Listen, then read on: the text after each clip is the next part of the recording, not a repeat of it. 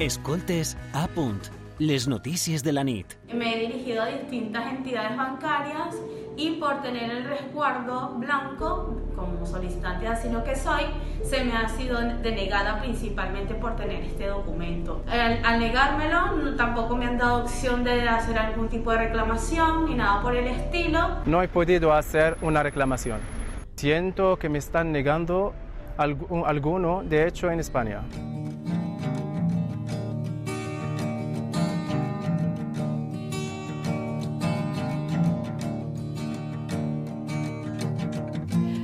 Estos que han escoltat són testimonis de persones migrants i sol·licitants d'asil que s'han trobat amb moltes traves per accedir i per a mantindre un compte al banc a causa de les dificultats que posen les entitats bancàries, des de no acceptar el resguard de sol·licitud de protecció internacional com a document d'identitat vàlid a imposar-los comissions quan en realitat tenen dret a un compte bancari de pagament bàsic, sense comissions a causa de la seva situació. Fins i tot bloquejos de comptes. El fet de no poder accedir a un compte al banc els impedeix començar una nova vida en com explica Patricia. Era una persona recién llegada eh, que estaba poniendo en orden mi vida, precisamente quería optar por un trabajo y necesitaba mi cuenta de banco y por esto necesitaba este tipo de cuentas que no me cobraba comisiones ni nada, una cuenta de pago básico. Y me engañaron, me dijeron que sí, que sí, que sí y cuando me di cuenta la cuenta que me habían abierto no era la que yo necesitaba. Per tal d'eliminar aquestes tanques d'accés, nombroses organitzacions socials han impulsat la campanya Comptes Pendents per a exigir que complisquen la legislació que reconeix el dret a tindre un compte de pagament bàsic. Bona nit, José Soler. Bona nit, Alba. El que denuncien aquestes entitats socials és que el 80% de les incidències relacionades amb les entitats bancàries són denegacions d'apertures de comptes per motius contraris a la legislació vigent. Situacions que agreugen encara més la situació de vulnerabilitat que pateixen aquestes persones. I, com deies, han impulsat la campanya Comptes Pendents contra l'exclusió financera de les persones migrants i refugiades. Per a conèixer més detalls sobre aquesta campanya tenim al telèfon Noelia Montagut, que és la responsable de l'àrea d'incidència de la Comissió Espanyola d'Ajuda al Refugiat a València. Bona nit, Noelia. Bona nit, bona nit a tots i totes. Explica'ns amb més detalls en què consisteix aquesta campanya. Bueno, la campanya és, una, és la segona campanya que llancem eh, per, la, per la inclusió financera de les persones migrants i refugiades amb més organitzacions socials que treballem en la defensa d'aquestes de, de, de, persones i que venim detectant diverses irregularitats des de, des de finals de 2019, no? Mm. Eh, no sols a València, eh, en aquest cas, sinó a tot l'estat espanyol. Eh, nosaltres el que estem denunciant és que no s'aplica la normativa vigent, la normativa vigent que, bueno, pues, és del 2017 i 2019, que el que fa és regular eh, pues una directiva europea per a promoure eh, aquesta inclusió financera de les persones que es troben en més situació de vulnerabilitat social. Mm -hmm. Heu registrat més de 300 incidències per aquesta qüestió i denuncieu que això és només la punta de l'iceberg. Mm, per què passa? Sí, clar, clar eh, nosaltres el que fem és que com no n'hi ha registres eh, de persones ni, ni per part del, del Banc d'Espanya ni per ninguna institució o organització sobre les denegacions d'aquest tipus de comptes, són tipus de comptes que són precisament dirigits a persones en situació de vulnerabilitat social eh, i econòmica, pues el que fem és registrar nosaltres eh, els incidents que estem, que estem veient no? en uh, dia a dia. Clar, i aquestes més de 300 persones eh, són persones que nosaltres atenem. No són totes les persones migrants i refugiades que hi ha a l'estat espanyol. Aleshores, clar, és, és uh, la punta de l'iceberg, no? I, uh, i, i bueno, són diverses les irregularitats que, que es donen, no? Des de que no s'informa del producte a les persones ni de la seva gratuïtat, fins que les entitats eh, bancàries no accepten documents acreditatius de la identitat de les persones, uh -huh. és a dir, documents que són reconeguts per una administració pública, com puga ser un, una presentació no? de sol·licitud de protecció internacional, eh, i bueno, pues està sol·licitant documentació addicional a la requerida segons la normativa, etc etc. I tot emparant-se en la llei de prevenció de prevenció eh, de, de blanqueig de capital val? Eh, i el terrorisme, Uh -huh. I, i, i al final les entitats bancàries s'emparen en, en, esta, en esta llei no? per a denegar la, la, l'apertura d'aquest tipus de comptes que nosaltres entenem que no tenen ni cap tipus de beneficis. Perquè estem parlant de compte de pagament bàsics, que no té comissions, no té despeses d'apertura ni de tancament. Clar, estem, estem pagant d'un producte, estem parlant d'un producte bancari no? que facilita l'accés a, consumidors, a consumidors i consumidores a serveis bancaris bàsics. És a dir, avui en dia pues, tots i totes les que esteu estan escoltant eh, ara mateix el programa entendran que sense un compte bancari no pots ni pagar la llum ni pagar el lloguer, inclús eh, ens hem trobat persones que no han pogut accedir a un treball precisament per no tindre un compte bancari on ingressar la seva nòmina. Vull dir, és un dret eh, fonamental eh, per a que les persones puguen eh, desenvolupar la seva vida perquè tot es fa eh, a través de comptes bancaris, vull dir, és, és, eh, inclús hasta, bueno, pues, pues no sé, és que se m'avorreix contar-vos molts casos, no?, de, de gent que ha tingut que utilitzar un altre compte bancari mm -hmm. perquè, no?, i després n'hi ha un altre problema greu en, en el tema del compte, perquè clar, les persones que no tenen un compte nominatiu no poden accedir a prestacions públiques, eh, mm -hmm. socials públiques. No? En, aquest, en, aquesta, en, en aquest tema estem treballant moltíssim en aquelles persones que tenen dret a percebre la renda valenciana d'inclusió i no poden percebre la renda valenciana d'inclusió perquè no tenen un compte bancari eh, nominatiu. Aleshores, al final són els bancs els que estan decidint eh, qui cobra o qui té dret a una prestació social i qui no té dret.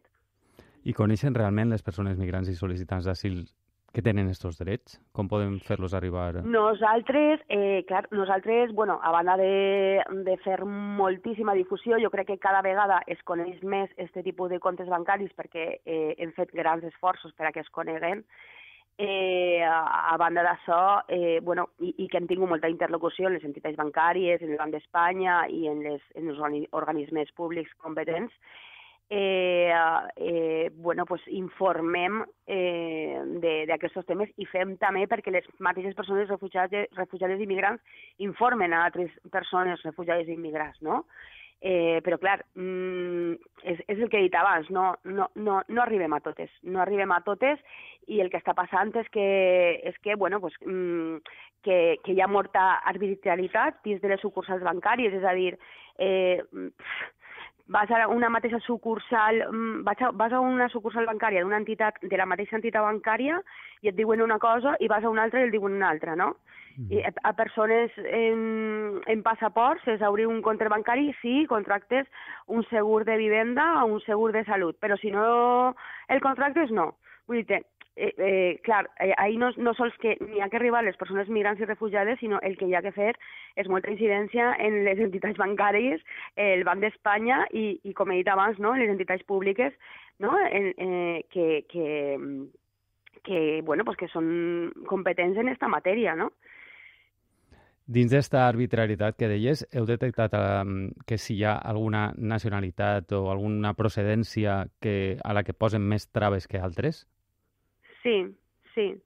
No vull dir-te ara ninguna perquè varia en funció del llistat que les entitats bancàries tenen de, diguem, de risc, no?, de països. Uh -huh. Aleshores, no vull dir-te ara ninguna concreta perquè el mes que ve pot canviar, no? Uh -huh. Però sí que ens hem trobat eh, procedència, procedents de Marroc, per exemple, en, en determinats moments, procedents de, de Venezuela, procedents de, de Colòmbia, no? depèn de, monet, de moments de Síria també, que han tingut dificultats simplement per la seva nacionalitat. Aleshores, clar, això és la doble discriminació. El que nosaltres volem és que si tu vols tindre un control exhaustiu no? d'un compte bancari, siga el que siga, però més aquest, el que has de fer és obrir el compte i fer el seguiment d'aquest compte quan el compte ja estiga obert.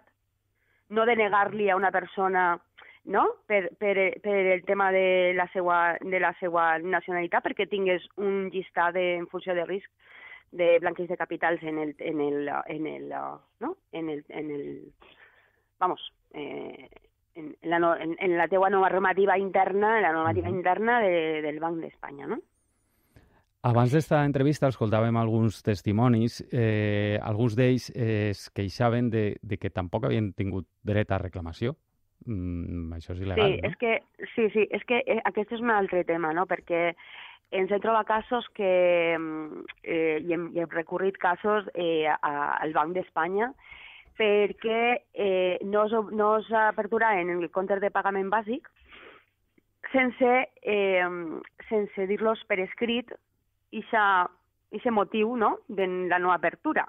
Uh -huh. És a dir, eh, la normativa, ten, el, els bancs tenen 10 dies per motivar per escrit el motiu de l'apertura. La, de Nosaltres des de FEAR no hem vist mai, jo no, no hem vist mai ningun, ninguna, ninguna motiu d'apertura, però és que a més no, ninguna persona ens ha contat mai eh, que les entitats bancàries informen, que tenen l'obligació d'informar sobre els processos de reclamació. Després, aquests processos de reclamació, clar, eh, moltes vegades les entitats bancàries diuen que es tenen que fer online. Mm. Eh, eh, eh, bueno, pues, eh, les persones moltes vegades necessiten recolzament per a fer-les online.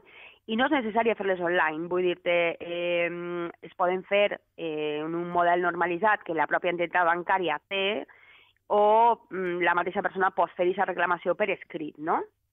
Tant al defensor del client com a, com a el servei d'atenció al client de l'entitat bancària.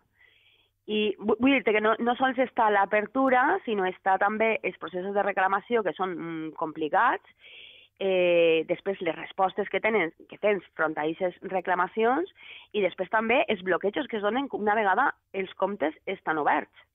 Mm. De fet, el, el defensor no del... No sé si te contesta la, a la pregunta. Sí, sí, sí, sí. sí, mm. sí. De fet, te volia, te volia dir que també apuntàveu que el defensor del poble té obertes actuacions amb el Banc d'Espanya després de rebre queixes. Sí no sé en quin punt, si ha arribat a bon terme alguna d'aquestes queixes, en quin punt està Oberta la, està oberta encara la queixa. Sí, mm -hmm. no ha hagut una resolució. El que sí que estem eh, ara és eh, apostant per la nova llei, eh, no sé si conegueu, la nova llei Eh, la nova llei no, el projecte de llei, millor dit, eh, per el que es crea l'autoritat administrativa independent de defensa del client financer, uh -huh. per a la resolució extrajudicial de conflictes entre les entitats financeres i, i els seus clients, en les que estem fent molta incidència per a que eh, pues, aquests obstacles, aquestes dificultats es vegin reduïdes.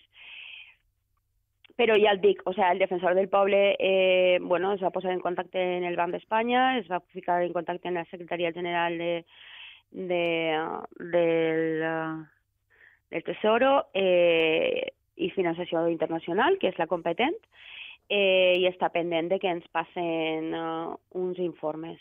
Sí. Mm -hmm. mm. Tornant a la campanya, eh, es tracta d'una recollida de signatures, entre altres eixos d'esta campanya, veritat?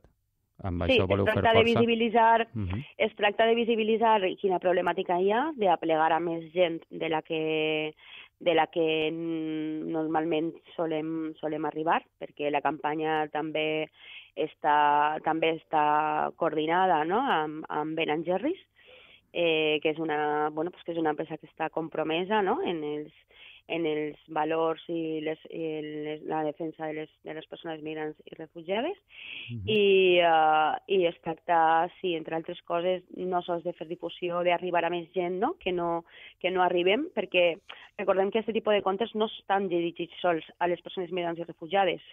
Aquests comptes estan dirigits a totes les persones que es poden trobar en una situació social, econòmica, eh, de vulnerabilitat, no? Aleshores, ens sembla important que, que, que no sols les persones refugiades i migrats coneguen, eh, sinó que ho coneguen totes. Sí, sí, hi ha una recollida de firmes, nosaltres aquestes firmes volem eh, després eh, bueno, pues, eh, reclamar amb aquestes firmes tot el, que, tot el que estem demanant, que és a priori ara ja el compliment simplement de la normativa vigent, i, uh, i fer valer els drets de, de totes les persones de tipus de comptes, tipus de comptes que, insistisc, eh, no beneficien a les entitats bancàries. Doncs Noelia Montagut, moltes gràcies per acostar-nos la campanya Comptes Pendents. Gràcies a vosaltres.